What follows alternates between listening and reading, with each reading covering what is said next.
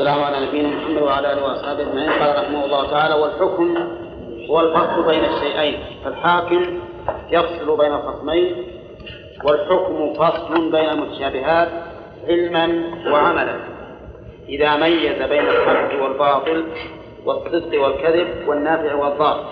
وذلك يتضمن فعل النافع وترك الضار فيقال حكمت السفيه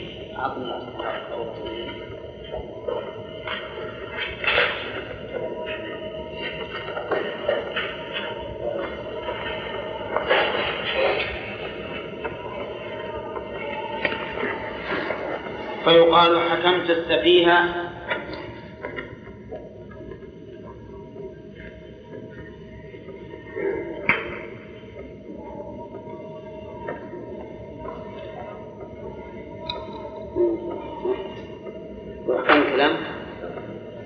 حكمت السفيه وأحكمت إذا أخذت على يديه وحكمت الدابة وأحكمتها إذا جعلت لها حكما فهو ما حصل في الحنك من اللجام وإحكام الشيء إتقانه. المؤلف يتكلم على أن القرآن محكم ومتشابه وبعضه محكم وبعضه متشابه. فإحكام الكلام إتقانه بتمييز الصدق من الكذب في أخباره وتمييز الرشد من الغي في أوامره. والقرآن كله محكم بمعنى الإتقان. فقد سمى الله فقد سماه الله تعالى حكيما بقوله ألف لام را تلك آيات الكتاب الحكيم. فالحكيم بمعنى الحاكم كما جعله يقص بقوله إن هذا القرآن يقص على بني إسرائيل أكثر الذي هم فيه يختلفون وجعله إيش؟ مفتيا بقوله تعالى قل الله يفتيكم فيهن وما يتلى عليكم في الكتاب أي ما يتلى عليكم يفتيكم فيهن وجعله هاديا ومبشرا في قوله إن هذا القرآن يهدي للتي هي أقوم ويبشر المؤمنين الذين يعملون الصالحات هذا المعنى الأول من كون القرآن محكما. يعني متقنا في أخباره وفي أحكامه. ففي أخباره يميز بين إيش؟ بين الحق والباطل والصدق والكذب. وفي أحكامه يميز بين العدل والجور والنافع والضار. هو بهذا المعنى كله موصوف بهذه الصفة أنه محكم. ثم قال وأما المتشابه الذي التشابه الذي يعمه فهو ضد الاختلاف المنفي عنه في قوله ضد الاختلاف المنفي عنه في قوله تعالى ولو كان من عند غير الله لوجدوا فيه اختلافا كثيرا وهو الاختلاف المذكور في قوله إنكم لفي قول مختلف يؤفك عنه من أفك فالتشابه هنا الإشارة إلى أي شيء هنا؟ لا. هنا أي التشابه العام الذي يعم القرآن. هو تماثل الكلام وتناسبه بحيث يصدق بعضه بعضا فإن فإذا أمر بأمر لم يأمر بنقيضه في موضع آخر بل يأمر به أو بنظيره أو بملزوم بملزوماته وإذا نهى عن شيء لم يأمر به في موضع آخر بل ينهى عنه أو عن نظيره أو عن ملزوماته إذا لم يكن هناك نص. فإن كان هناك نص فقد يأمر إن كان هناك نص فقد يأمر بنقيضه لأن النص يرفع الحكم الأول لكن إذا لم يكن نص لا يمكن أن يتناقض. وكذلك إذا أخبر بثبوت شيء لم يخبر بنقيض ذلك بل يخبر بثبوته أو ثبوت ملزوماته وإذا أخبر بنفي شيء لم يثبت بل ينفيه أو ينفي لوازمه بخلاف القول المختلف الذي ينقض بعضه بعضا فيثبت الشيء تارة وينفيه أخرى أو يأمر به وينهى عنه في وقت واحد ويفرق بين المتماثلين فيمدح أحدهما ويذم الآخر. فالأقوال المختلفة هنا هي المتضادة والمتشابهة هي المتوافقة. وهذا التشابه يعني الذي يعم القرآن كله يكون في المعاني وإن اختلفت الألفاظ فإذا كانت المعاني يوافق بعضها بعضا ويعضد بعضها بعضا ويناسب بعضها بعضا ويشهد بعضها لبعض ويقتضي بعضها بعضا. كان الكلام متشابها. بخلاف الكلام المتناقض الذي يضاد بعضه بعضا فهذا التشابه العام. لا ينافي الإحكام العام بل هو مصدق له فإن الكلام المحكم المتقن يصدق بعضه بعضا لا يناقض بعضه بعضا. بخلاف الإحكام الخاص فإنه ضد التشابه الخاص. والتشابه الخاص هو مشابهة الشيء لغيره من وجه مع مخالفته من وجه آخر بحيث يشتبه مع مخالفته له من وجه آخر بحيث يشتبه على بعض الناس أنه هو أو هو مثله وليس كذلك. والإحكام هو الفصل بينهما بحيث لا يشتبه أحدهما بالآخر وهذا التشابه إنما يكون بقدر مشترك بين الشيئين مع وجود الفاصل بينهما. إذا التشابه الخاص وش معنى التشابه الخاص؟ يعني الذي وصف به بعض القرآن. لأن عندنا تشابها عاما عاما يعني أنه وصف به جميع القرآن. وعندنا تشابه خاص وهو الذي وصف به بعض القرآن. التشابه الخاص الذي وصف به بعض القرآن بعضهم يقول هو ما أشكل معناه. وهذا التفسير للتشابه الخاص واضح ولا يحتاج إلى تعب أن نقول الإحكام العام بمعنى وضوح المعنى. والتشابه الخاص أقول الإحكام العام بمعنى قصد الخاص الإحكام الخاص بمعنى وضوح المعنى. والتشابه الخاص بمعنى اشتباه المعنى بحيث لا يعرفه إلا الراسخون في العلم أو الانتباه لما الإحكام العام وش معناه؟ الإحكام العام بمعنى الإتقان في أخباره وأحكامه والتشابه العام بمعنى التماثل والتناسب بحيث لا يناقض بعضه بعضا هذا التشابه العام الذي يعم جميع القرآن والإحكام والإحكام العام الذي يعم جميع القرآن. الإحكام الخاص إيش معناه؟ هو ما اتضح معناه. يعني وضوح المعنى بحيث لا يشتبه.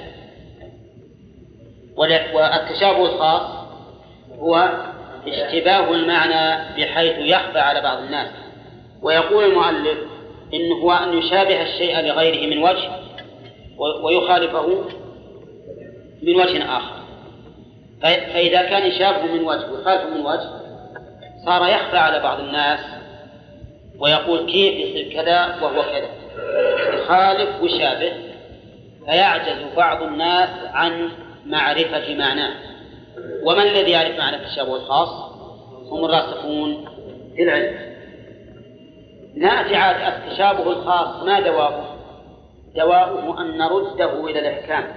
ولهذا قال والإحكام والفصل بينهما بحيث لا يشتبه أحدهما بالآخر وهذا التشابه إنما يكون بقدر مشترك بين الشيئين مع وجود الفاصل بينهما. فصار التشابه الخاص على رأي المؤلف هو أن يشبه الشيء بعض بعضه بعضا مع مخالفته في بعض الوجوه. يشبه غيره من وجه ويخالفه من وجه آخر. فيحتاج حينئذ إلى محكم يفصل بينهما والمحكم الذي يفصل بينهما هو الذي يرد إليه المتشابه لقوله تعالى فأما الذين في قلوبهم زيغ فيتبعون ما تشابه منه.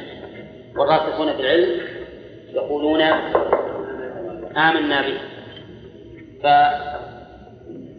فبعد هذا الإيضاح من المؤلف رحمه الله يقول ثم من الناس من لا يهتدي للفصل بينهما فيكون مشتبها عليه ومنهم من يهتدي إلى ذلك فالتشابه الذي لا يتميز معه هذه معنى بوتة. فالتشابه الذي لا يتميز معه كذا عندك؟ لا يتميز معه قد يكون من الأمور قد يكون من الأمور النسبية الإضافية. بحيث يشتبه على بعض الناس دون بعض. ومثل هذا يعرف يعرف أهل العلم ما يزيل عنهم هذا الاشتباه كما إذا اشتبه على بعض الناس ما وعدوا به في الآخرة. بما يشهدونه في الدنيا فظن أنه مثله. فعلم العلماء أنه ليس مثله وإن كان مشبها له من بعض الوجوه. إذا على رأي المؤلف يمكن أن نمثل التشابه الخاص. شوفوا. بما وعدنا به في الآخرة من الثواب. هل الرمان اللي في الدنيا مثل في الآخرة مثل اللي في الدنيا. ها؟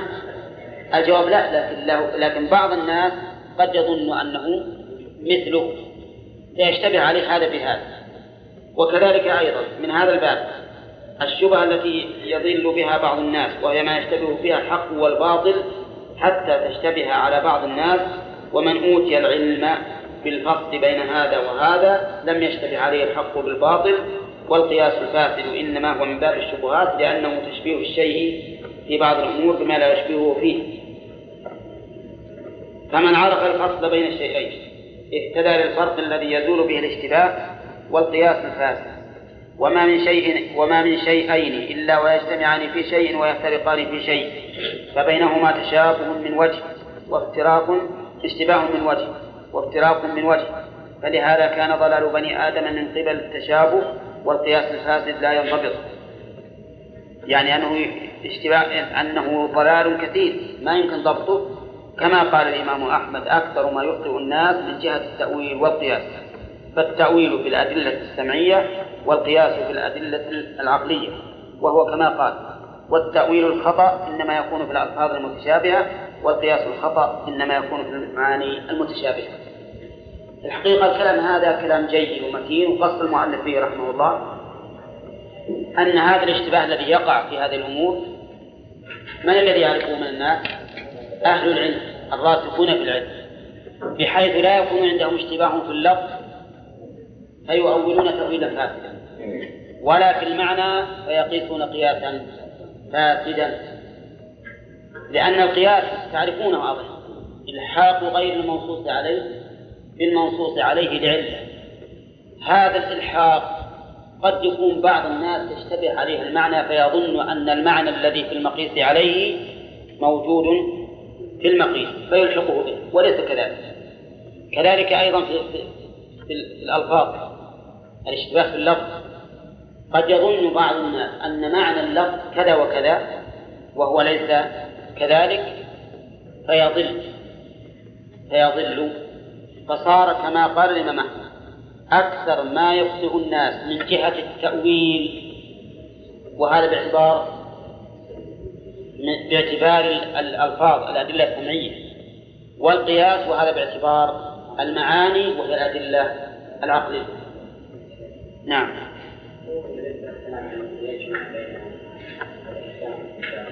شلون؟ يريد أن يجمع بين الواقع القرآن وقوله هو الآن المؤلف بيتكلم على أين؟ بيتكلم على الإحكام الخاص والتشابه الخاص. ويقول أن التشابه الخاص كون الشيء مشتبها. مشتبها. بحيث أنه يشبه غيره من وجه ويخالفه من وجه آخر. فيظن بعض الناس أنه مثله من أجل موافقته له في وجه أو أنه غيره من حيث مفارقته له في الوجه. فيأتي أهل العلم ويبينون أن هذا ليس هو هذا باعتبار الوجه المفارق وأنه مثله باعتبار الوجه الموافق فهمت؟ ثم إن أن الناس يظنون في هذا الباب في باب التشابه الخاص هو اللي يقع فيه الضلال. لأن الناس منهم من يشتبه عليه اللفظ فيؤوله بتأويل ليس مقصودا. ومنهم من يشتبه عليه المعنى فيلحق به ما ليس مثله. وهذا القياس الفاسد ثم قال وقد وقع بنو آدم في عامة ما يتناوله هذا الكلام من أنواع الضلالات. وش يعني بالكلام؟ كلام الإمام أحمد. نعم. حتى آل كلام الإمام أحمد يعني. أكثر ما يخطئ الناس شوفوا من جهة التأويل والقياس.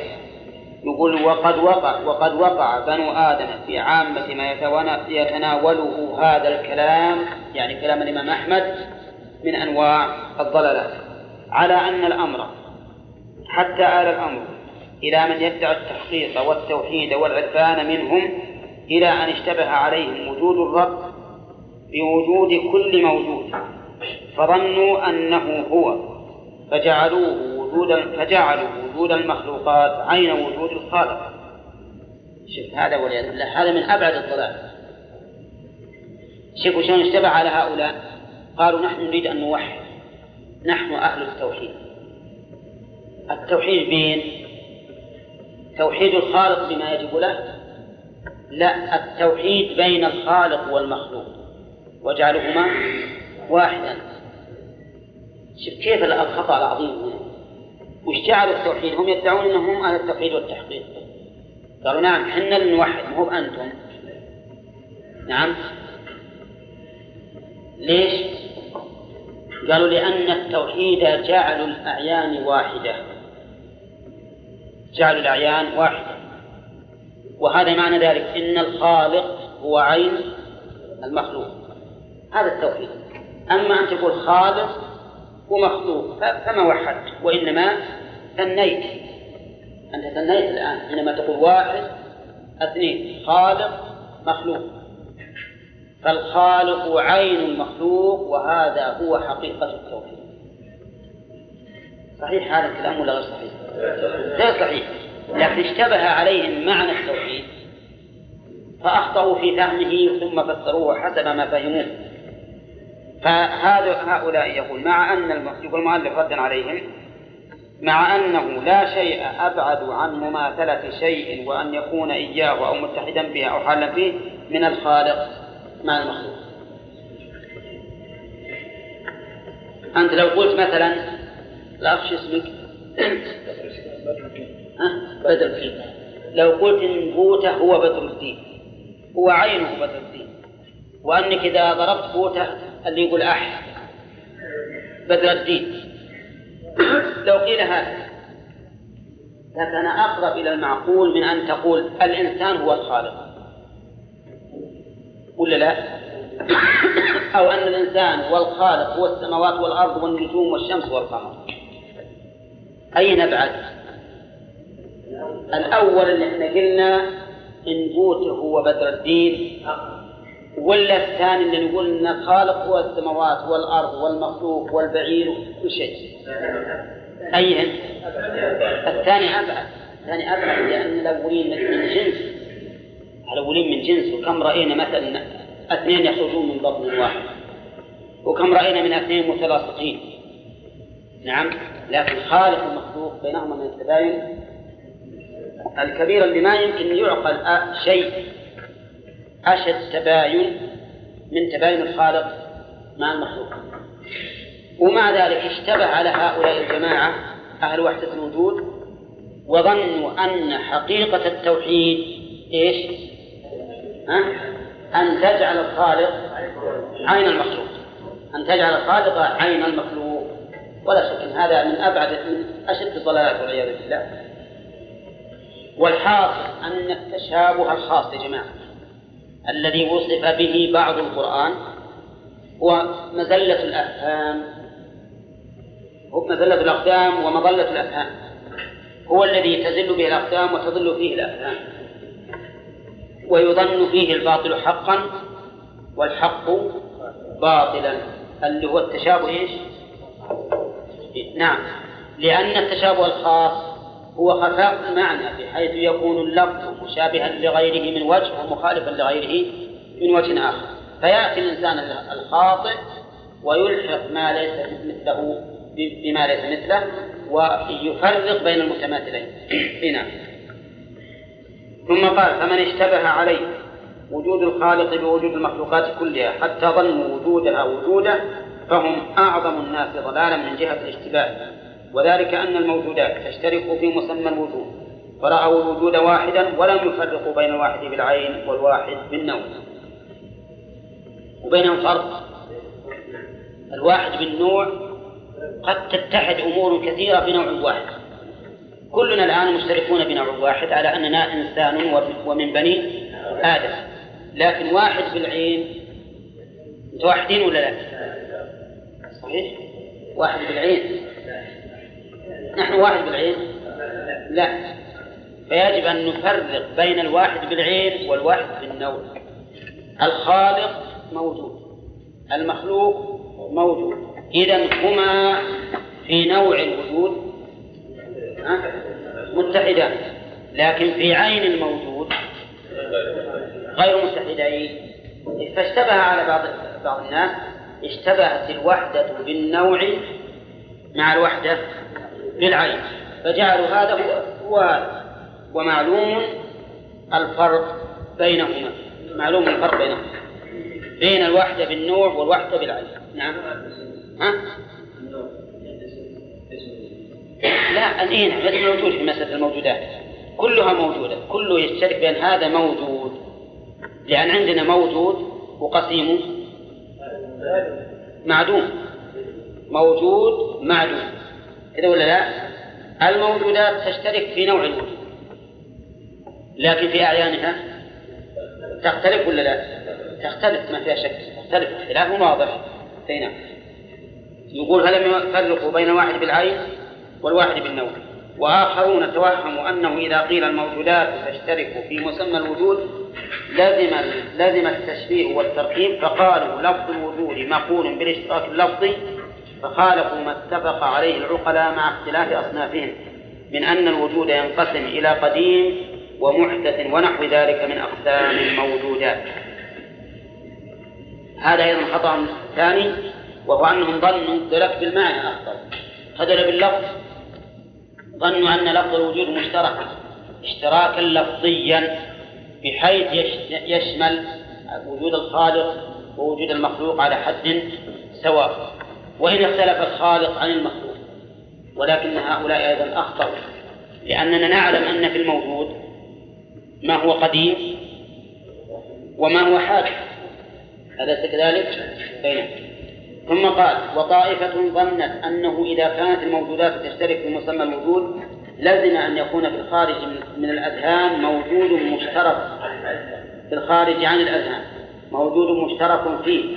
وزعموا أن في الخارج من الأذهان كليات في الكليات كليات مطلقة مثل وجود مطلق وحيوان مطلق وجسم مطلق ونحو ذلك فخالفوا الحس والعقل والشرع وجعلوا ما في الأذهان ثابتا في الأعيان وهذا كله من نوع الولاء ترى هذا سبق الكلام عليه يا جماعة. أولا ما تذكرون بعض الذين أنكروا صفات الله قالوا إنه يلزم إذا كان الله موجودا أن يكون مشابها للموجودات حيث ظنوا أن هناك وجود مطلق تشترك فيه الموجودات. فهذا هو هذا الأخير يشير إلى مذهب المعتزلة. يشير إلى مذهب المعتزلة الذي سبق.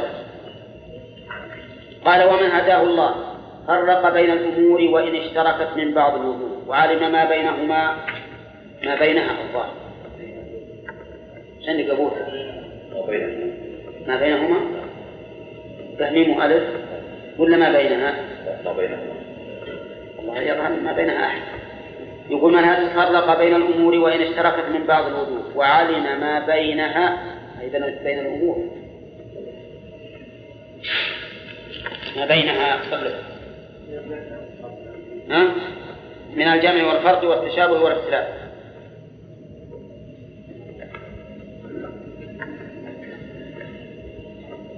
ما بينها من الجمع والفرق والتشابه والاختلاف وهؤلاء لا يظنون بالمتشابه من الكلام لأنهم يجمعون بينه وبين المحكم الفارغ الذي يبين ما بينهما من الفصل والافتراق ثم أتى المؤلف بمثال فقال وهذا كما أن لفظ إن ونحن وغيرهما من صيغ الجمع يتكلم بها الواحد له شركاء في الفعل ويتكلم بها الواحد العظيم الذي له صفات تقوم كل صفة كل صفة مقام واحد. وله أعوان تابعون له لا شركاء له. فإن تم... فإذا تمسك النصراني بقوله إنا نحن نزلنا الذكر ونحوه على تعدد الآلهة كان المحكم كقوله تعالى وإلهكم إله واحد. هذا مثال. مثل إنا ونحن. عندما يقول واحد منكم نحن فاهمون للدرس وش يقتضي هذا؟ تعدد ولا لا؟ يقتضي التعدد. يعني نحن كل من في الفصل. وهذا متعدد بلا شك. عندما يقول الملك إنا سنفعل كذا إننا سنقتل فلانا المجرم. يقصد هو أعوانه ولا لا؟ طبعا لأنه معروف أن الملك مو بنازل بالسيف يقتل هذا الرجل. يعني بأعوانه. يقول الله إنا نحن نزلنا الذكر. يقول النصراني إنا نحن نزلنا الذكر إن جمع نحن جمع نزلنا جمع. إذا فالله ثالث ثلاثة. هذا اشتباه ولا مو اشتباه؟ اشتباه. اشتبه عليه هذا الضمير الجمع بأنه يلزم منه تعدد تعدد الآلهة فقال إن الله ثالث ثلاثة. طيب نقول عندنا آية محكمة. وإلهكم إله واحد لا إله إلا هو. الرحمن الرحيم. هذه محكمة ولا لا؟ شف النصراني في قلبه زيغ فتبع إيش؟ المتشابه. والراسخون في العلم؟ قالوا عندنا آية محكمة. يجب أن ترد إليها المتشابه. إنك وإلهكم إله واحد لا إله إلا هو الرحمن الرحيم. طيب ونحو ذلك مما لا يحتمل إلا معنى واحدا يزيل ما هناك يزيل ما يزيل ما هناك من الاشتباه. وكان ما ذكره من صيغة الجمع مبينا مبينا لما يستحقه من العظمة والأسماء والصفات وطاعة المخلوقات من الملائكة وغيرهم. يعني إذا قال إنا نحن نزلنا الذكر كيف قال إنا نحن نزلنا الذكر وهو واحد؟ نقول لأنه له من الصفات العظيمة التي تكون كل صفة بمنزلة واحد. ما جعله يقول إنا نحن نزلنا الذكر. ولهذا يقول ويتكلم بها الواحد العظيم. الذي له صفات تقوم كل صفة مقام واحد. والله تعالى له صفات عظيمة فهو عظم نفسه لما له من من الصفات. طيب. وأما حقيقة ما دل عليه ذلك من حقائق الأسماء والصفات وما له من الجنود الذين يستعملهم في أفعاله فلا يعلمهم إلا هو وما يعلم دون ربك إلا هو. وهذا من تأويل المتشابه الذي لا يعلمه إلا الله. بخلاف الملك من البشر إذا قال قد أمرنا لك بعطاء فقد علم أنه هو وأعوانه مثل كاتبه وحاجبه وخادمه ونحو ذلك أمروا به. وقد يعلم ما صدر عنه ذلك الفعل من اعتقاداته وإراداته ونحو ذلك. لعلك يا وقد يعلم ما صدر. نعم. طيب إذا وقد وقد يعلم وقد يعلم ما صدر عنه ذلك الفعل من اعتقاداته وإراداته. الملك عندما يقول أمرنا لك بكذا وكذا قد يكون اللي أمرنا لك بعطاء. قد يكون الآمر من؟ وزير المالية. أمر بكذا وعرضوا على الملك ووافق فهل الملك هو الذي انفرد بالأمر به؟ ها؟ لا. لكن أعوانه. أما الله جل وعلا فإنه سبحانه وتعالى عندما يقول أمرنا بكذا نعم أو فعلنا كذا فهو بمفرده لكن لعظمه وصفاته العظيمة جاء بصيغة التعظيم. أي نعم. فالحاصل أن المؤلف رحمه الله جاب لنا مثال واضح في المتشابه وحمله على المحكم. المتشابه ما هو؟ إنا نحن نزلنا الذكر. اشتبه على من؟ على النصراني فادعى أن الله ثالث ثلاثة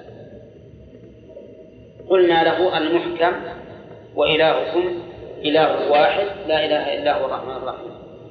فجمع إنا نحن نزلنا لعظيم صفاته لا لا لتعدد ذاته قال والله سبحانه وتعالى لا يعلم عباده الحقائق التي أخبر عنها من صفاته وصفات اليوم الآخر ولا يعلمون حقائق ما أراد خلقه ما أراد بخلقه وأمره من الحكمة ولا حقائق ما صدرت عنه من المشيئة والقدرة. صحيح. آه، الملك وبنو آدم قد يعلمون الناس حقائق ما ما أمر به. وأما الله عز وجل فنحن لا نعلم هذه الحقائق. ولا نعلم حكمته العظيمة البالغة في أمره وخلقه. وبهذا يتبين أن التشابه يكون في الألفاظ المتواطئة كما يكون في الألفاظ المشتركة التي ليست بمتواطئة. وإن زال الاشتباه بما يميز أحد النوعين من إضافة أو تعريف. كما إذا قيل فيها أنهار من ماء فهناك قد خص هذا الماء في الجنة فظهر الفرق بينه وبين ماء الدنيا. لكن حقيقة من لكن حقيقة من زاد به ذلك الماء غير معلوم لنا وهو مع ما أعده الله لعباده الصالحين مما لا عين رأت ولا أذن سمعت ولا خطر على قلب بشر من التأويل الذي لا يعلمه إلا الله. يقول المتواطئة والمشتركة. متى تعرفون الفرق بين المتواطئة والمشتركة؟ المتواطئة ما اتفقت في اللفظ والمعنى. ما اتفقت في اللفظ والمعنى. والمشتركة ما اتفقت في اللفظ واختلفت في المعنى. طيب مثلوا لي بالمتواطئة ما اتفقت في اللفظ والمعنى.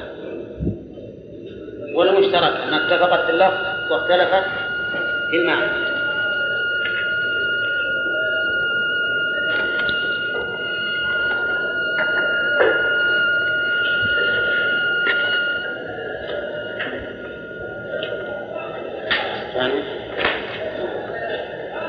يا جماعة أعطونا متواطئ ومشتركة أقول لكم اللفظ إذا اتفق في اللفظ والمعنى فهو متواطئ وإذا وإذا اتفق في اللفظ واختلف في المعنى فهو مشترك.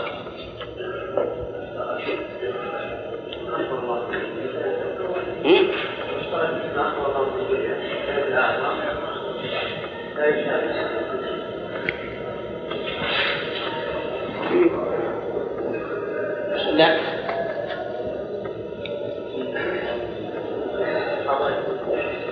لأن المشترك لابد أن يختلف المعنى أصلا وحقيقة.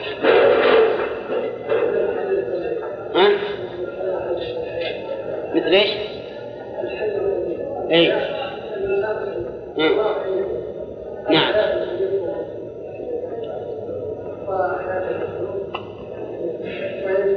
زين طيب في يا جماعة الآن عندنا متواطئة وعندنا مشتركة وعندنا شيء بينهما فمثل إنسان هذا من اللفظ المتواطئ لأن إنسان يصدق علي وعليك وعلى الثاني والثالث والرابع يصدق باللفظ والمعنى ولا لا؟ ها؟ ها؟ فهذه إنسان من الألفاظ المتواطئة باتفاق لفظها ومعناها في كل ما تضاف له في كل ما تضاف له. عندما أقول فلان إنسان وأنا إنسان والثالث إنسان والرابع إنسان فهذا لفظ يسمونه متواطئ ليش؟ باتفاق اللفظ والمعنى. يطلق علي وعلى الثاني والثالث والرابع على حد سواء. إذا التعدد هنا بالعين ولا بالنوع؟ ها؟ بالعين. تعدد بالعين. طيب في كلمة عين عين. يقول إنها تطلق على العين هذه الباصرة وتطلق على نبع الماء اللي تنبع العين من الماء من الماء. وتطلق على الشمس وتطلق على الذهب. يقال عين. أولى. طيب هذه تطلق على العين الباصرة وعلى العين الفوارة. اللفظ واحد والمعنى متعدد بالنوع ولا بالعين؟ بالنوع ولا لا؟ بالنوع ما في شك. هذا ماء وهذا عين. وكلها يسمى يسمى عين. هذا يسمونه مشترك. اللفظ واحد والمعنى مختلف. أصلا وفصلا في كلمات مثل الحي تطلق على الإنسان وتطلق على الخالق سبحانه وتعالى هل هي من المشترك ولا من المتواطئ؟ ها؟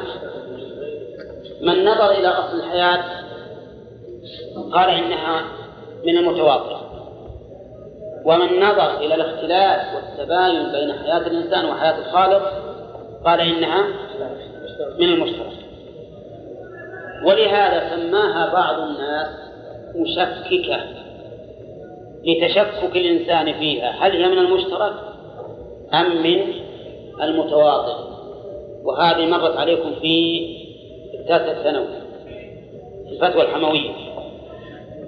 ولكن شيخ الإسلام رجح في الفترة الحمية أنها نوع من المتواطئ نوع من المتواطئ قال لأن الحقيقة أننا إذا نظرنا إلى المعنى فهو متواطئ حياة فالاختلاف بين حياة الخالق والمخلوق في أصل الحياة ولا في الصفة؟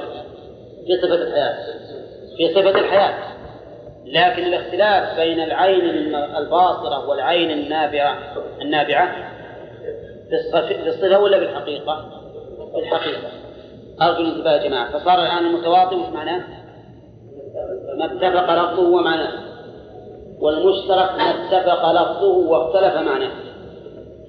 بحيث يدل هذا على حقيقة وهذا على حقيقة. في شيء بينهما تكون الحقيقة واحدة ولكن الوصف أو الصفة مختلفة. بعض العلماء يقول متواطئ وبعضهم يقول مشترك ومشكل يقول. والصحيح على ما اختاره شيخ الإسلام أنها من باب المتواطئة لأن المعنى واحد. لكن اختلف في الصفة سبحانك الله هو كل غالبة كل اللي مرنا غالبا متكرر ويمكن يقدر الإنسان يحطه في ضوابط هو بنفسه. أنتم تكتبون مثلا تلخصون هذا الشيء. الإنسان في كل كل سوره ما صح. بسم الله الرحمن الرحيم.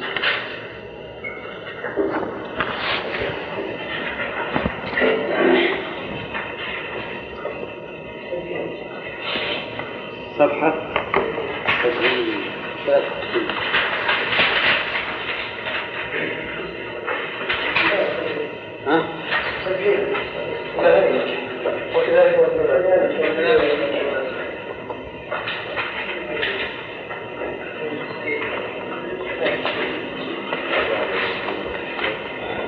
نعم. بسم الله الرحمن الرحيم. سبق أن المؤلف رحمه الله قرر بأن القرآن محكم ومتشابه ويوصف به كل القرآن أو بعض القرآن. وسبق أيضا معنى الإحكام العام ومعنى الإحكام الخاص ومعنى التشابه العام ومعنى التشابه الخاص. وذكر أن التشابه الخاص إنما يكون فيما يشبه غيره من وجه دون وجه وأن هذا هو محل اختلاف الناس. فمنهم من إذا رآه موافقا لغيره في وجه حمله عليه ومنهم من إذا رآه مخالفا لغيره في وجه أبعده منه. وذكر المؤلف أن التشابه يكون في الألفاظ المتواضعة. نعم. ويكون في الألفاظ أيضا المشتركة ومثل للتشابه الخاص باستدلال النصان على تعدد الآلهة. بقول الله تعالى إنا نحن وما أشبه ذلك. قال فهذا ضمير جمع؟ والأصل أن الجمع تعدد. وبين رحمه الله أن هذا التشابه يحمل على المحكم. مثل قوله وإلهكم إله واحد. ويكون الجمع الذي يصف الله نفسه به إشارة إلى عظمة الله تبارك وتعالى وما له من الصفات من صفات الكمال التي تعد كل صفة كأنها شيء مستقل. فلذلك يأتي ذكر الجمع. مضافا إلى الله سبحانه وتعالى. وبينا في نحن شرحنا لكم الألفاظ المتواطئة والألفاظ المشتركة وأن المتواطئة هي ما اتفق لفظه ومعناه والمشترك ما اتفق لفظه واختلف معناه وأن من الأشياء ما يكون متواطئا مشتركا باعتبارين ويسميه بعض العلماء مشككا وأن شيخ الإسلام حقق بأنه متواطئ لكنه خاص من المتواطئ باعتبارا بإيش؟ بالأصل اعتبارا بالأصل ومثل المؤلف لذلك بمثل الوجود كلمة وجود هل هي من الألفاظ المتواطئة ولا من الألفاظ المشتركة؟ ها؟ نشوف وجود الله سبحانه وتعالى ووجود المخلوق مختلف ولا متفق؟ ها؟ في أخذ المعنى متفق. لكن في حقيقته ووصفه لا. في حقيقة وصف مختلف. ووجود الخالق واجب والمخلوق وجوده ممكن. نعم. ووجود الخالق وجود لا عدم معه ووجود المخلوق وجود معه وعدم مفهوم؟ إذا هل ننظر إلى اختلاف الصفة ونقول إنه من المشترك؟ أو إلى أصل المعنى ونقول إنه من المتواطئ نعم ننظر إلى أصل المعنى ونقول إنه من المتواطئ ولكنه متواطئ على نوع خاص. لا ما لأن أصل المتواطئ قسيم المشترك وقسيم الشيء لا يدخل فيه. نعم يقول المؤلف رحمه الله لكن هذا وقفنا عليه لكن حقيقة من امتاز به ذلك الماء قرأنا هذا بعد. وكذلك مجنون نعم. المشترك هو ما اتفق في اللفظ واختلف في المعنى نعم. ومن هذا يقول وهذا التشابه يكون في المعاني وإن اختلفت الألفاظ نعم. ما يصير تعريف المشترك هو ما اتفق في اللفظ واختلف في المعنى أو ما اتفق في المعنى واختلف لا ما في المعنى واختلف اللفظ يسمونه مترادف يعني مثلا البر والقمح. اللفظ متعدد. والمعنى؟ واحد. يسمون هذا مترادف الأسد والزبر والضرغام والضيغم. اللفظ هنا متعدد. لكن المعنى واحد يسمونه مترادفا. وهذا التشابه نعم. وهذا التشابه إيه؟ يكون في المعاني اختلف وين فيه؟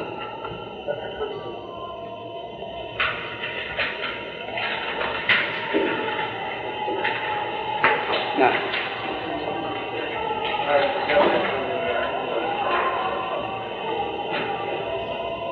اي قصد هذا التشابه اللي في القرآن هو التشابه الكلمة يعني. يعني أن القرآن تختلف ألفاظه لكنه لا لا تتناقض. لا تتناقض. فهي تتشابه من حيث دلالتها على الصدق دلالتها على العدل ولا ينقض بعضها بعضا. هذا المعنى هذا المراد بالمعنى الذي المتفق. المتفق معناها الذي لا يناقض بعضه بعضا.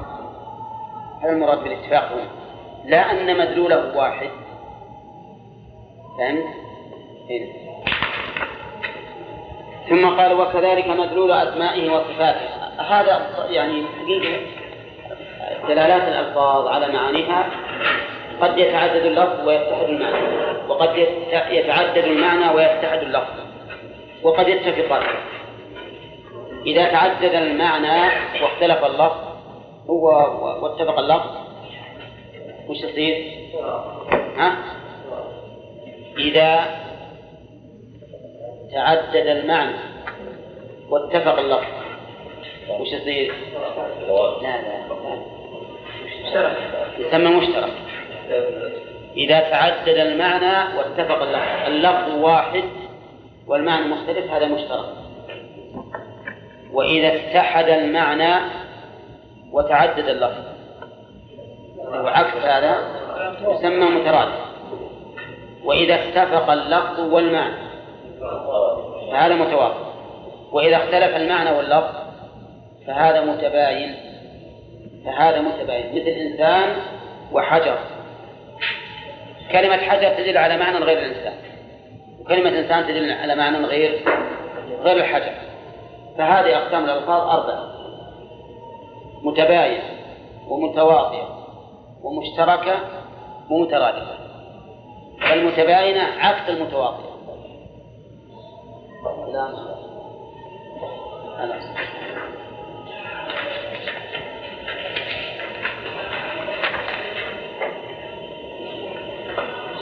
هذه دعوة عامة.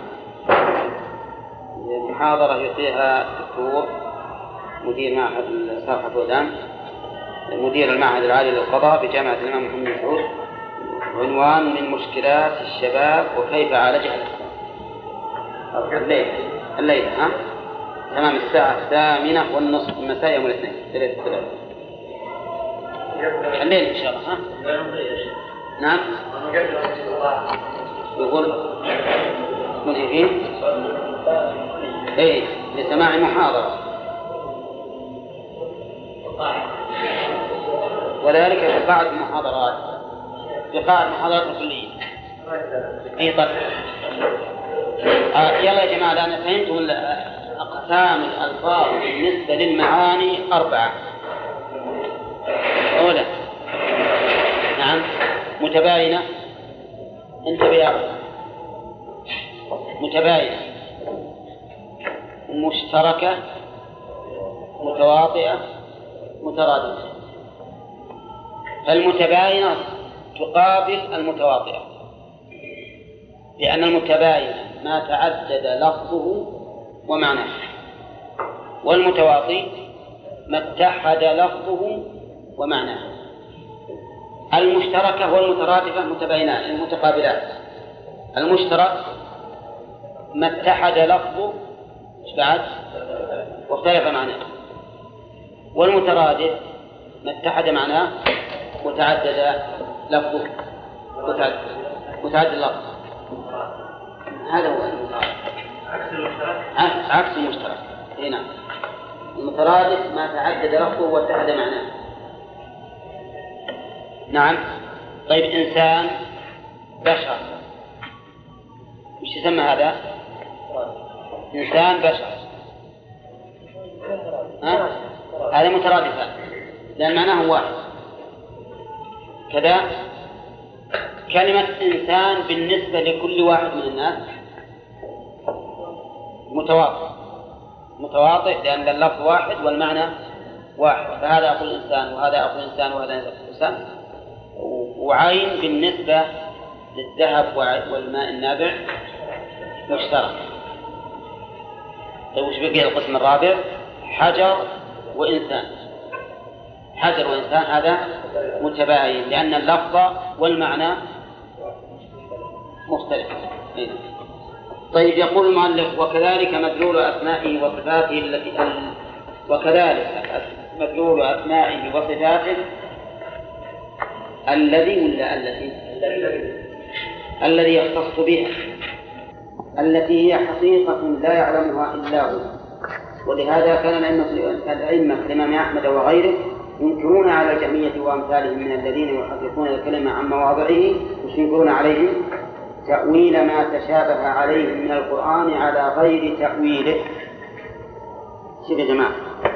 تأويله على غير تأويله المراد تأويله الأول صرف لفظه عن عن ظاهره. عن المعنى الراجح إلى المعنى وعلى غير تأويله تفسيره.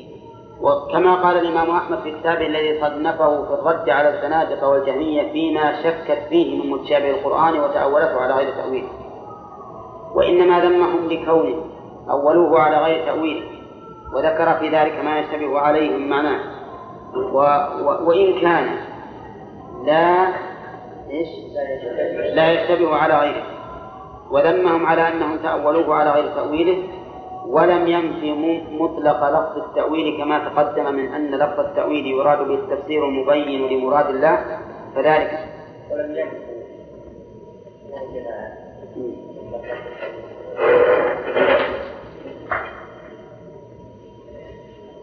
نجيب الأول وذمهم وذمهم على أنهم تأولوه على غير تأويله. ولم ينفي ولم ينفي هذا الصواب. ولم ينف مطلق التأويل كما تقدم من أن لفظ التأويل يراد به التفسير المبين لمراد الله تعالى فذلك لا يعاب بل ويراد بالتأويل الحقيقة التي استأثر الله التي استأثر الله بعلمها. فذاك لا يعلمه إلا هو وقد بسطنا هذا في غير هذا الموضع. وهذا أيضا معروف لنا. التأويل ينقسم إلى ثلاثة أقسام. صرف اللفظ عن المعنى الراجع إلى المعنى المرجوح والتأويل بمعنى التفسير والتأويل بمعنى الحقيقة. وذكرنا أن تأويل الأمر فعله وتأويل الخبر وقوع المخبر به ومن لم يعرف هذا اضطربت أقواله مثل طائفة يقولون إن التأويل باطل وإنه يجب إجراء اللفظ على ظاهره ويحتجون بقوله تعالى وما يعلم تأويله إلا الله. ويحتجون بهذه الآية على إبطال التأويل وهذا تناقض منهم لأن هذه الآية تقتضي أن هناك تأويلا لا يعلمه إلا الله وهم ينفون التأويل مطلقا فالحقيقة أن إذا قال لك قائل هل التأويل مذموم ولا لا؟ وش تقول؟ فيه تفصيل التأويل بمعنى التفسير لا يذم بل يحمد صاحبه والتأويل بمعنى صرف اللفظ عن ظاهره أو عن المعنى الراجح هذا هو المذموم إلا إذا قام عليه دليل. والتأويل بمعنى الحقيقة التي يؤول إليها هذا لا أحد يتكلم فيه ومن حاول أن يتكلم فيه فهو مخطئ لأنه لا يمكنه الوصول إلى ذلك. قال وجهة الغلط يعني جهة الغلط في نفي التأويل مطلقا. التأويل لا ينفى مطلقا. جهة الغلط أن التأويل الذي استثمر الله بعلمه هو الحقيقة التي لا يعلمها إلا هو. وأما التأويل المذموم والباطل فهو تأويل أهل التحريف والبدع الذي يتأولونه على غير تأويله ويدعو ويدعونه. إيش عندكم ويدعون صرف اللفظ عن مدلوله إلى غير مدلوله بغير دليل. بغير دليل يوجب ذلك. ويدعون أن في ظاهره من المحذور ويدعون أن في ظاهره من المحذور ما هو نظير المحذور اللازم فيما أثبتوه بالعقل. ترى هذا تكرار لإيش؟ لما سبق في قوله إن القول في بعض الصفات كالقول في بعض. وأن الذي ينفي المحبة ويثبت الإرادة يلزمه فيما أثبت نظير ما يلزمه فيما نفذ قال ويدعون أن في ظاهره من المحذور ما هو نظير المحذور اللازم فيما أثبتوه بالعقل ويصرفونه إلى إلى معان هي نظير المعاني التي نفوها عنه فيكون ما نفوه من جنس ما أثبتوه فإن كان الثابت حقا ممكنا كان المنفي مثله وإن كان المنفي باطلا ممتنعا كان الثابت مثله واضح هذا يا جماعة؟ ها؟ طيب. وهؤلاء الذين ينفون التأويل مطلقا ويحتجون بقوله وما يعلم تأويله إلا الله قد يظنون أن خوطبنا أن خوطبنا في القرآن بما لا يفهمه أحد أو بما لا معنى له أو بما لا يفهم منه شيء. وهذا صحيح هذا الكلام ولا لا؟ هؤلاء الذين يقولون إن إنه لا يمكننا أن نعلم التأويل أبدا. على رأيهم نقول خوطبنا إذا بشيء لا يفهمه. أحد إذا صاروا تقولون ما يعلم تأويله إلا الله. فإذا في القرآن أشياء ما يفهمها أحد. أو أننا خوطبنا بما لا معنى له. وهذا أيضا خطأ. لا يمكن القرآن كل ما فيه فله معنى فله معنى. اللهم إلا. الحروف الهجائية في أول بعض السور. والصحيح أنه ليس لها معنى لأنها حروف هجائية ما ركب ما هي كلمة وليست كلاما أيضا فهي ليست رموزا كما قيل و و وليست لها معاني الله أعلم بمراده بها بل إننا حسب ما فهمنا من اللغة العربية والقرآن باللغة العربية أنه ليس لها معنى ولهذا ذهب بعض السلف كمجاهد إلى أنها حرف هجاء حرف هجاء ما له معنى.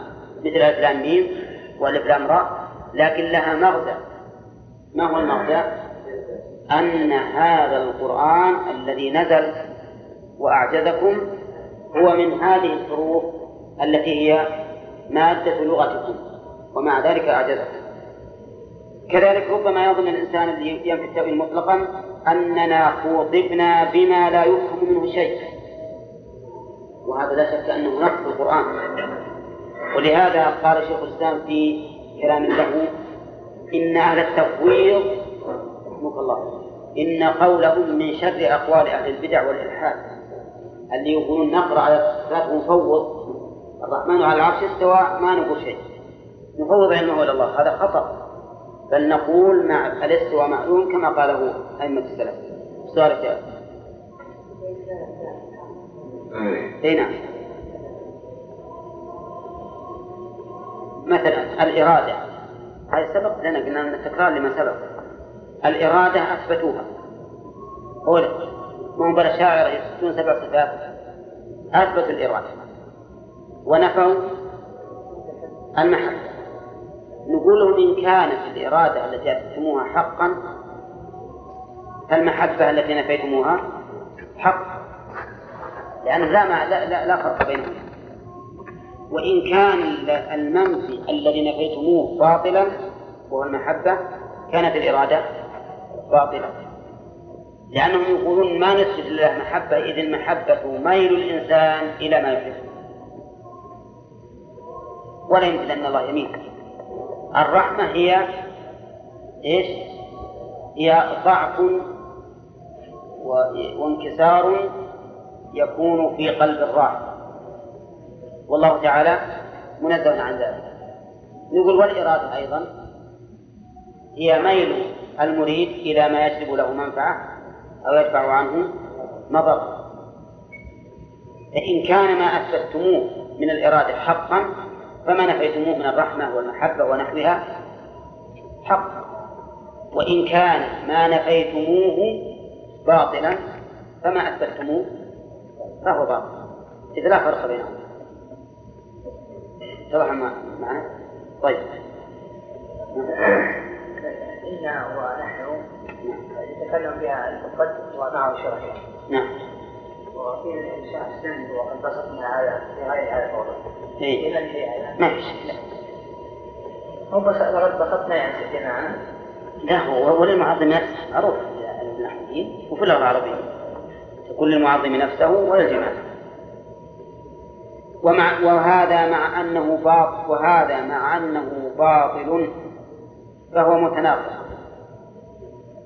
وش الإشارة إليه؟ الإشارة إلى نفي التأويل مطلقا لأنه قال وهؤلاء الذين ينفون التأويل. وهذا أي نفي التأويل أي نفي التأويل مطلقا مع أنه باطل فهو متناقض. لأننا إذا لم نفهم منه شيئا لم يجز لنا أن نقول لم يجز لنا أن نقول له تأويل يخالف الظاهر ولا يوافقه. صحيح. إذا كنا ما نفهم من اللفظ شيء إذا كنا لا نفهم من اللفظ شيئا يا جماعة. هل يصح أن نقول لهذا اللفظ تأويل لا يعلمه إلا الله؟ تقولون لا لكن يجب أن نقول لا عن علم. لا لا نقول إنه له تأويل لا يعلمه إلا الله لأننا إذا كنا لا نفهم عنه شيئا. فإنه يمكن أن يكون له تأويل ويمكن أن يكون أن لا يكون له تأويل ويمكن أن يكون له تأويل يعلمه الله فقط ويمكن أن يكون له تأويل يعلمه الله وغيره أصل الانتباه يا جماعة إذا كنت ما تفهم عن هذا الكلام شيئا كيف تقول له تأويل لا يعلمه الله؟ إذا قلت له تأويل لا يعلمه الله معناه أنك عرفت أن له تأويلا بعد وأنه لا يعلمه إلا الله لأن لأنك إذا قلت له تأويل الجملة هنا إثبات ولا نفي؟ طيب لا يعلمه إلا الله نفي.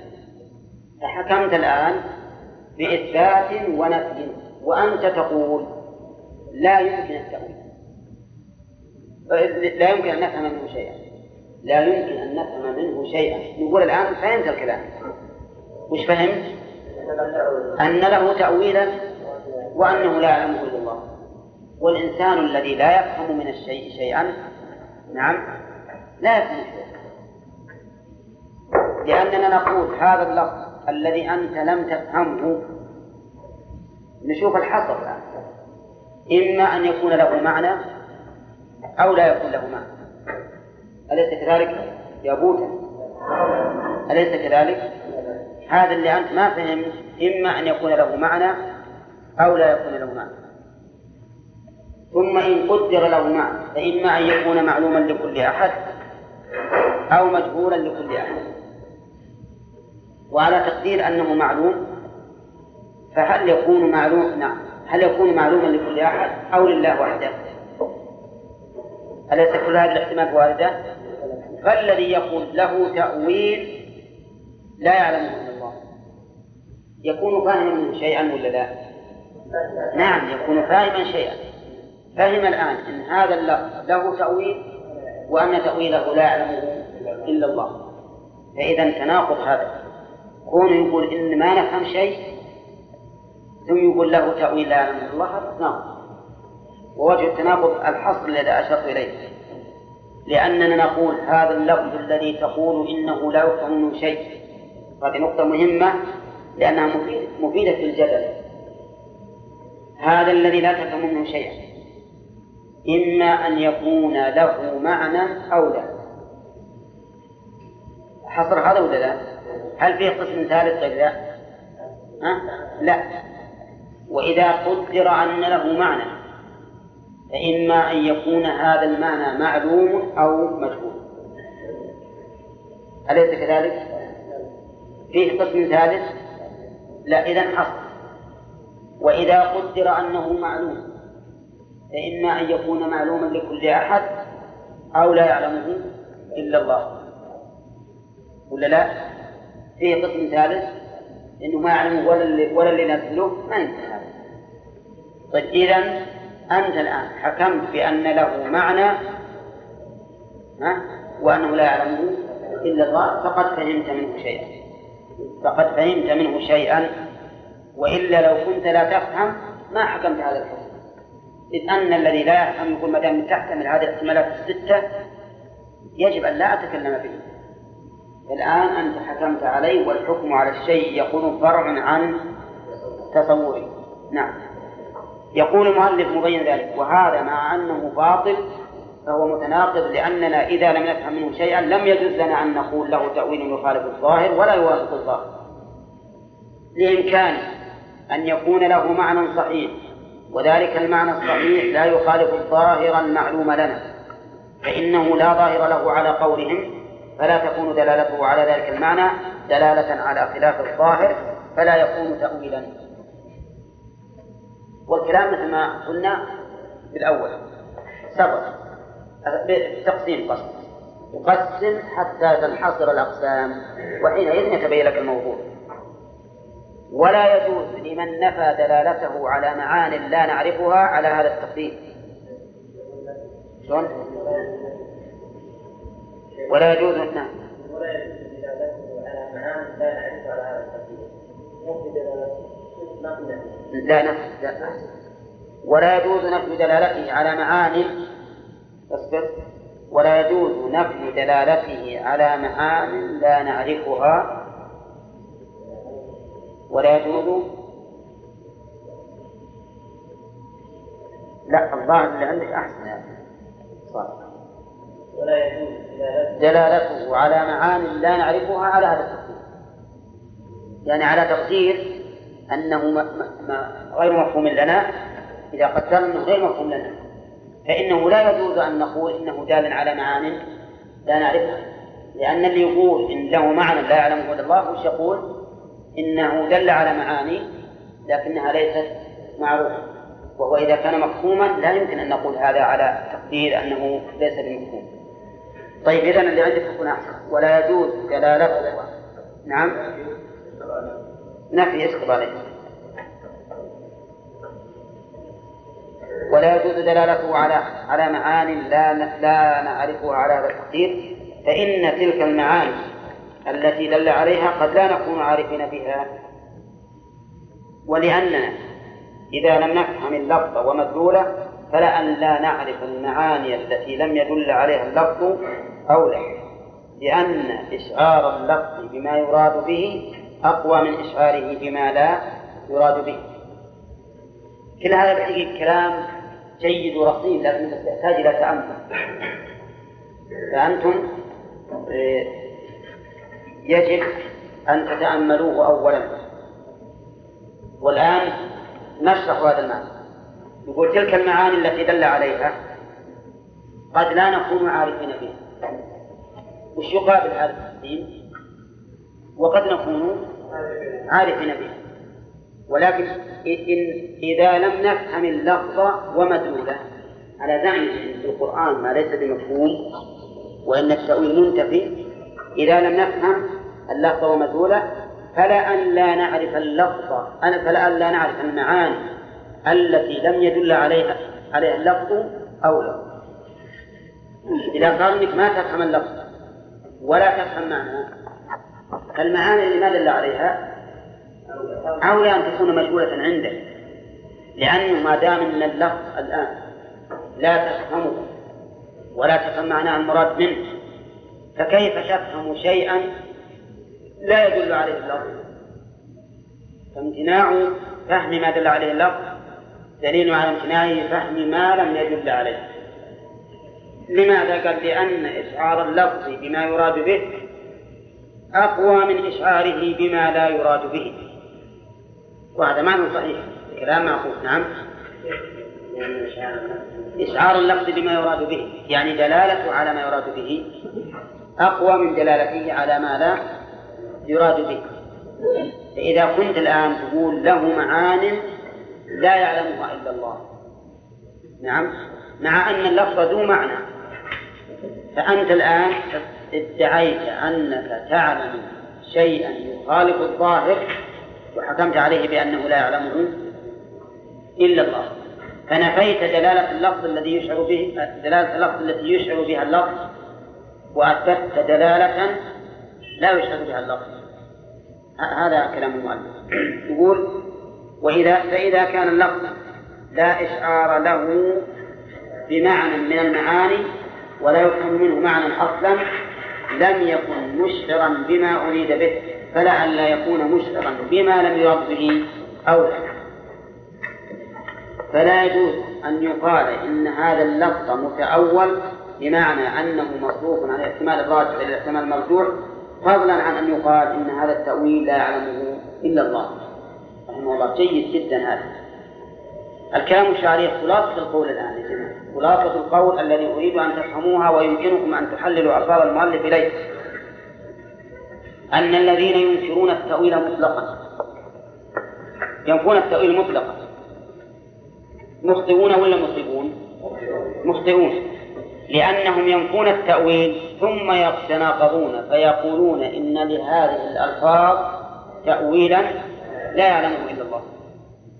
نقول لهم كيف تقولون إنكم لا تفهمون المتشابه؟ ثم تدعون أن له تأويلا لا يعلمه إلا الله. هذا خلاف خلاف المعقول تناقض. لأن من حكم بأن لها تأويلا لا يعلمه إلا الله فقد أثبت لها فهما. أثبت أن مفهوما لكنه لكنه حملها على أمر لا يدل عليه لفظها حيث قال إنه لا يعلمها إلا الله. فنقول له إذا كان إنك ترى أن التأويل منتف فكيف تقول إن لها تأويلا؟ لا يعلمه إلا الله. لأنك إذا كنت غير عالم به فكيف تحكم بأنه معلوم ولا يعلمه إلا الله؟ فإن هذا من التناقض البين.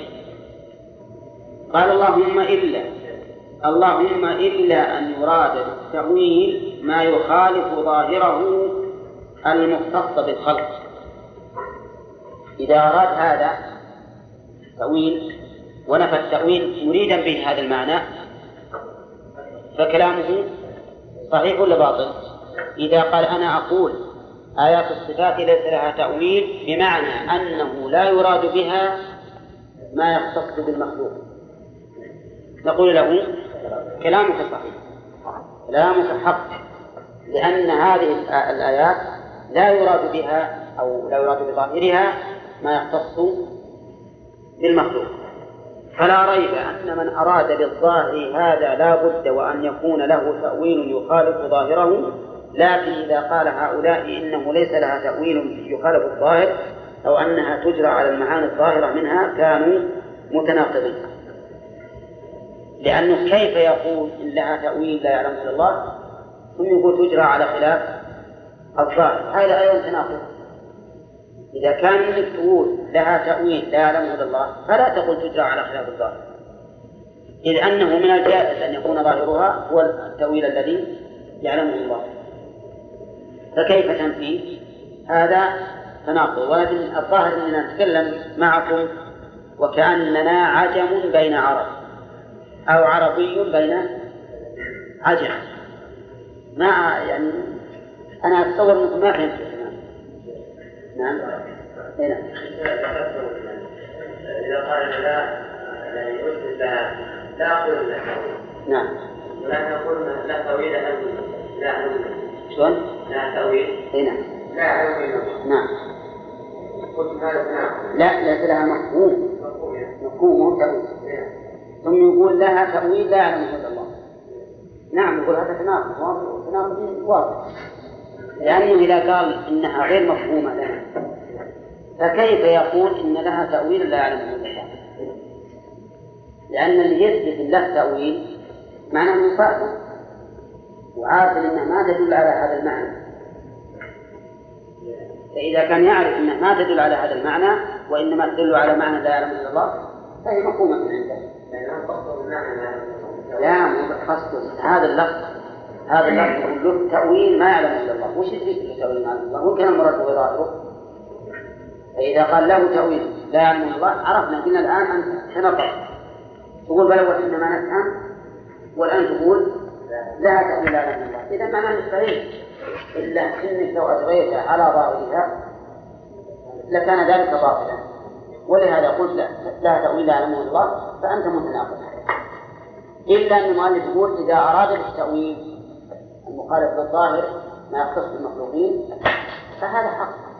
لكنهم لا يريدون ذلك. هم يريدون بالتأويل الذي لا يعلمه إلا الله يريدون المعنى الحقيقي. ولهذا ينكرون المعنى الحقيقي. نعم. آه، قال فلا ريب أن من أراد بالظاهر هذا لا بد وأن يكون له تأويل يخالف ظاهره. وش قصده أن من أراد بالظاهر هذا يعني ما يختص بالخلق فلا بد أن يكون له تأويل يخالف ظاهر لكن إذا قال هؤلاء إنه ليس لها تأويل يخالف الظاهر أو أنها تجرى على على المعاني الظاهرة منها كانوا متناقضين. لكن إذا قال هؤلاء وهل, قالوا؟ لا ما يقولون. هم لا يقولون ذلك بل يقولون إن لنا معنى يخالف الظاهر لا يعلمون الله. وإن أرادوا بالظاهر هنا معنى وهناك معنى في سياق واحد من غير من غير بيان كان تلبيسا يعني إن أرادوا بالظاهر ما يختص بالمخلوق في موضع. وأرادوا بالظاهر المعنى الذي يليق بالله في موضع ثم نفوا الظاهر مطلقا. صاروا ملبسين لأن الواجب التفصيل. وإن أرادوا بالظاهر مجرد اللفظ أي تجرى على مجرد اللفظ الذي يظهر من غير فهم لمعناه كان إبطاله التأويل أو إثباته تناقضا مثل ما قلنا قبل قليل لأن من أثبت تأويلا أو نفاه فقد فهم معنى من المعاني. وبهذا التقسيم يتبين تناقض كثير من الناس من نفاة الصفات ومثبتيها في هذا الباب. وإن أراد بالظاهر مجرد اللفظ الذي يظهر غير فهمه بس أن تجرى يعني توضيح هي ما هي ضرورية ولا زائدة الله يعني وإياكم ولهذا الكتاب هذا جيد؟ ينفع الإنسان في باب باب الجدل نعم. كافي لكن ولو إذا إذا وصلت إلى إلى القمة فيه. هذا الخامس ذلك القاعدة الثالثة أنه لقائل أن يقول لا بد في هذا الباب من ضابط يعرف به ما يجوز على الله مما لا يجوز بالنفي والإثبات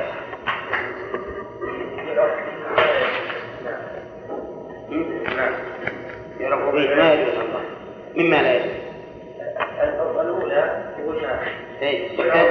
ما يجوز نعم مو كذا يعرف به ما يجوز وما مما لا يجوز مما لا يجوز في النفي والإثبات فإن إن الاعتماد في هذا الباب على مجرد نفي التشبيه أو أو مطلق الإثبات من غير من غير إيش؟ أو مطلق الإثبات من غير تشبيه ليس بسديد. وذلك أنه ما من شيء إلا ما من شيئين إلا بينهما قدر مشترك وقدر مميز. هذا حقيقة المؤلف جاء به بصياغة الاستفهام. يقول مثلا هل هناك ضابط يعرف به ما يجوز على الله مما لا يجوز؟ في باب النفي وفي باب الإثبات.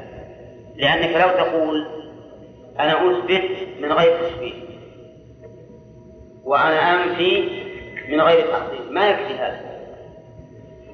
لو قلت أثبت لله كذا من غير تشبيه ما ما يكفي.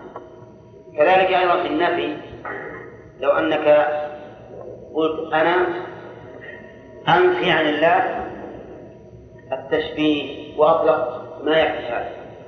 ولهذا يقول إذ الاعتماد في هذا الباب يعني باب الأسماء والصفات على مجرد نفي التشبيه أو مجرد مطلق الإثبات من غير تشبيه ليس بالدليل ها؟ وذلك أنه ما من شيئين إلا بينهما قدر مشترك وقدر مميز. وهذا صحيح. قدر مشترك. مثلا الحياة لله والحياة للإنسان هذا قدر مشترك. قدر مميز أن حياة الله سبحانه وتعالى كاملة ليس فيها نقص وحياة الإنسان ناقص. هذا قدر مميز. نعم. الباب اسماء الصفات باب الأسماء والصفات. باب الأسماء والصفات. فالنافي إن اعتمد فيما ينفيه على أن هذا تشبيه قيل له إن أردت أنه مماثل له من كل وجه فهذا باطل. وإن أردت أنه مشابه له من وجه دون وجه أو مشارك الاسم لزمك أو مشارك أو مشارك لزمك هذا أو مشارك له في الاسم لزمك هذا في سائر ما أثبته ما تثبت نعم وأنتم إذا أقمتم الدليل على إبطال التشبيه والتماثل الذي فسرتموه بأنه يجوز على أحدهما ما يجوز على الآخر ويمتنع عليه ما يمتنع عليه ويجب له ما يجب له. إنما فسرت أنا إنما فسرت إنما أقمتم الدليل على نفس إبطال التشبيه والتماثل الذي فسرتموه بأن أنه بأنه يجوز على أحدهما ما يجوز على الآخر ويمتنع عليه ما يمتنع عليه له ما يجب له. شوف يقول عندنا نفي وعندنا إثبات قال لقائل أن يقول إن الاعتماد على مجرد نفي التشبيه أن تقول إن الله لا شبيه له لا يكفي هذا في الواقع يعني وش معنى لا شبيه له؟ هل معنى أنه لا يوجد له أحد مشارك له في كل اسم من أسمائه ولو في أصل المعنى؟ طبعا لا هل تريد أنه ليس له مشابه من كل وجه طبعا لا لأن فيه مشابه من وجه دون وجه. أصل المعنى متفق. ولكن حقيقة هذا المعنى بالنسبة لله ولغيره مختلف. يقول فالنافي إن اعتمد فيما ينفيه على أن هذا تشبيه. قال أنا أنفي هذا لأنه تشبيه. ما يكفي هذا الاعتماد؟ لأن الذين ينكرون الاستواء لماذا ينكرونه؟ يقولون إنه تشبيه والذين ينكرون اليد لله سبحانه وتعالى يقولون انكرها لأن إثباتها تشبيه وهكذا إذا لا يكفي أن نقول بصحة الاعتماد على مجرد التشبيه لأن كل ناف ينفي شيئا يدعي أن إثباته تشبيه ولهذا يقول إن اعتمد على أنه فيما ينفي على أنه تشبيه قيل له إن أردت أنه مماثل له من كل وجه فهذا باطل. يعني إن أردت بقولي إن هذا تشبيه فأنفي أنه مماثل لله من كل وجه فهذا باطل. والمثال كما قلت مثل لو قال أنا أنكر أن لله يدين. فإن إثباتها تشبيه نقول إن أردت أن ذلك تشبيه بالخالق تشبيه للخالق بالمخلوق من كل وجه فهذا باطل ولا لا؟ لأنه لا يقتضي إذا كان لله يد وللإنسان يد أن يكون مشابها له من كل وجه واضح ذا يا جماعة؟ طيب وإن أردت أنه مشابه له من وجه دون وجه أو مشاركا له في الاسم لزمك هذا في سائر ما أثبته. ما تثبت ما ما تثبته إذا قلت أنفي اليد لأنها مشابهة لله وأردت أنه مشابه لله من وجه دون وجه أو أن المراد بالمشابهة المشاركة في الاسم في الاسم قلنا له هذا التشبيه الذي اعتمدت في نفي الذي عليه يلزمك فيما تثبته. وش مثبت هو؟ يثبت القدرة يثبت الحياة يثبت العلم. كما مر علينا من يثبت سبع صفات. عرفتم يا جماعة؟ نقول إذا كان نقول أنا أنفي هذا لأن فيه تشبيها من وجه دون وجه. إذا يجب عليك أن تنفي القدرة وأن تنفي الإرادة وأن تنفي العلم وأن تنفي الحياة لأن في ذلك مشابهة من وجه دون وجه أو مشاركة إيش؟ دون الحقيقة فصار الآن الاعتماد على مجرد نفي التشبيه في تنزيه الله صحيح ولا صحيح؟ الاعتماد إذا قال قائل أنا بعتمد في كل ما أنفيه عن الله على نفي التشبيه. وأقول أنفي ذلك نفيا لتشبيه الله بالخلق نقول له إن أردت بالمشابهة التي نفيتها وأعتمدت في نفي هذه الصفة عليها المشابهة من كل وجه ها؟ فهذا باطل. وش معنى باطل؟ إنه ما يمكن المشابهة من كل وجه. المشابهة من كل وجه ما وإن أردت المشابهة من بعض الوجوه أو أردت المشاركة في الاسم دون الحقيقة قلنا له إذا يلزمك أن تنفي ما أثبته أن تنفي ما أثبته لأن ما أثبته يتضمن التشبيه من وجه دون وجه أو المشاركة في الاسم دون دون الحقيقة. مفهوم يا جماعة هذا؟ نعم طيب. ثم قال وأنتم يخاطب من؟ الذين ينكرون ما ينكرون اعتمادا على نفي التشبيه فأنتم إنما أقمتم الدليل على إبطال التشبيه والتماثل الذي ذكرتموه بأنه يجوز على أحدهما ما يجوز على الآخر ويمتنع عليه ما يمتنع عليه ويجب له ما يجب له هذا التشبيه اللي عند هؤلاء يقولون التشبيه والتماثل أن يكون الشيئين أو الشيئان المتماثلان يجوز على أحدهما ما يجوز على الآخر ويمتنع عليه ما يمتنع عليه ويجب له ما يجب له. هذا معنى المماثل. هذا الشيء مماثل للشيء. إيش معنى مماثل له؟ أنه يجوز عليه ما يجوز عليه. يمتنع عليه ما يمتنع عليه. يجب له ما يجب له. إذا المماثلة بين الخالق والمخلوق في هذا المعنى هل تمكن ولا ما تمكن؟ ها؟ لا تمكن. حتى عندهم ما تمكن ما دام تستطيع تماثل بهذا بأن التماثل كون الشيئين المتماثلين يجوز على أحدهما ما يجوز على الآخر ويمتنع عليه ما يمتنع على الآخر ويجب له ما يجب للآخر. هذا شيء لا يمكن ولا يتصور على هذا. هذا الامتداد.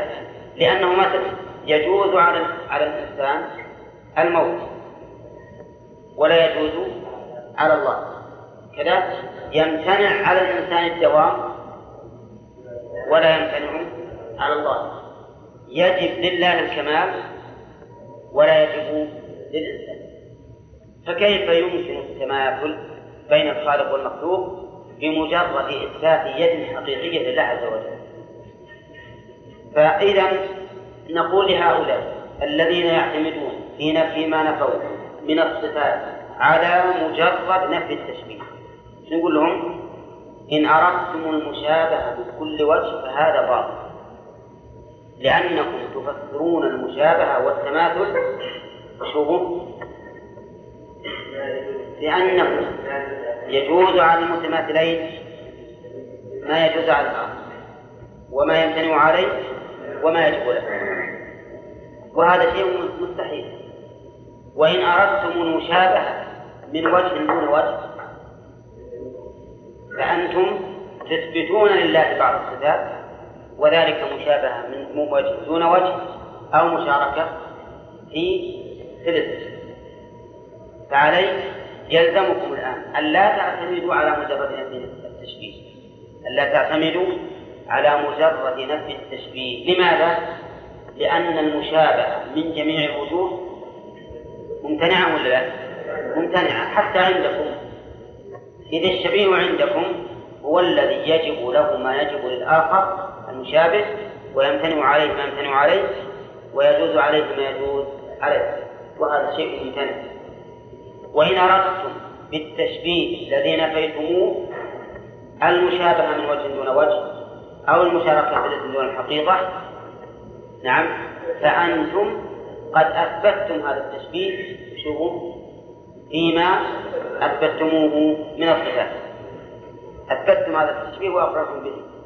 فيما أثبتموه من الصفات. إذا قلتم إن هذا هو التشبيه الذي أعتمد الذي أعتمد في الصفات عليه. طيب. اتضح المقام يا جماعة ولا لا؟ ها؟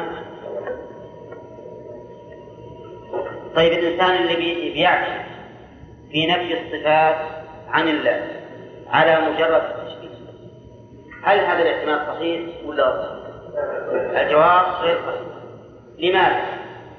أولا إذا قصد بالتشبيه التشبيه المطلق من كل وجه فهذا باطل ولا يمكن أن يكون لماذا؟ لأنهم يفسرون المماثل أو المشابه بأنه ما يجوز عليه ويجب ويمتنع مثل ما يجوز على الآخر ويجب ويمتنع. وهذا شيء مستحيل حتى لو أثبت لا ما ما تحقق ذلك. أو أو الوجه الثاني أنك إذا أردت المشابهة التي نفيتها إذا أردت بالمشابهة التي نفيتها المشابهة من وجه دون وجه فإننا نقول هذه المشابهة في الواقع أنت قد أثبتها شوفوا لأنك أثبتت بعض الصفات فيلزمك فيما أثبت أن تكون مشابهة أن تكون مشبهة.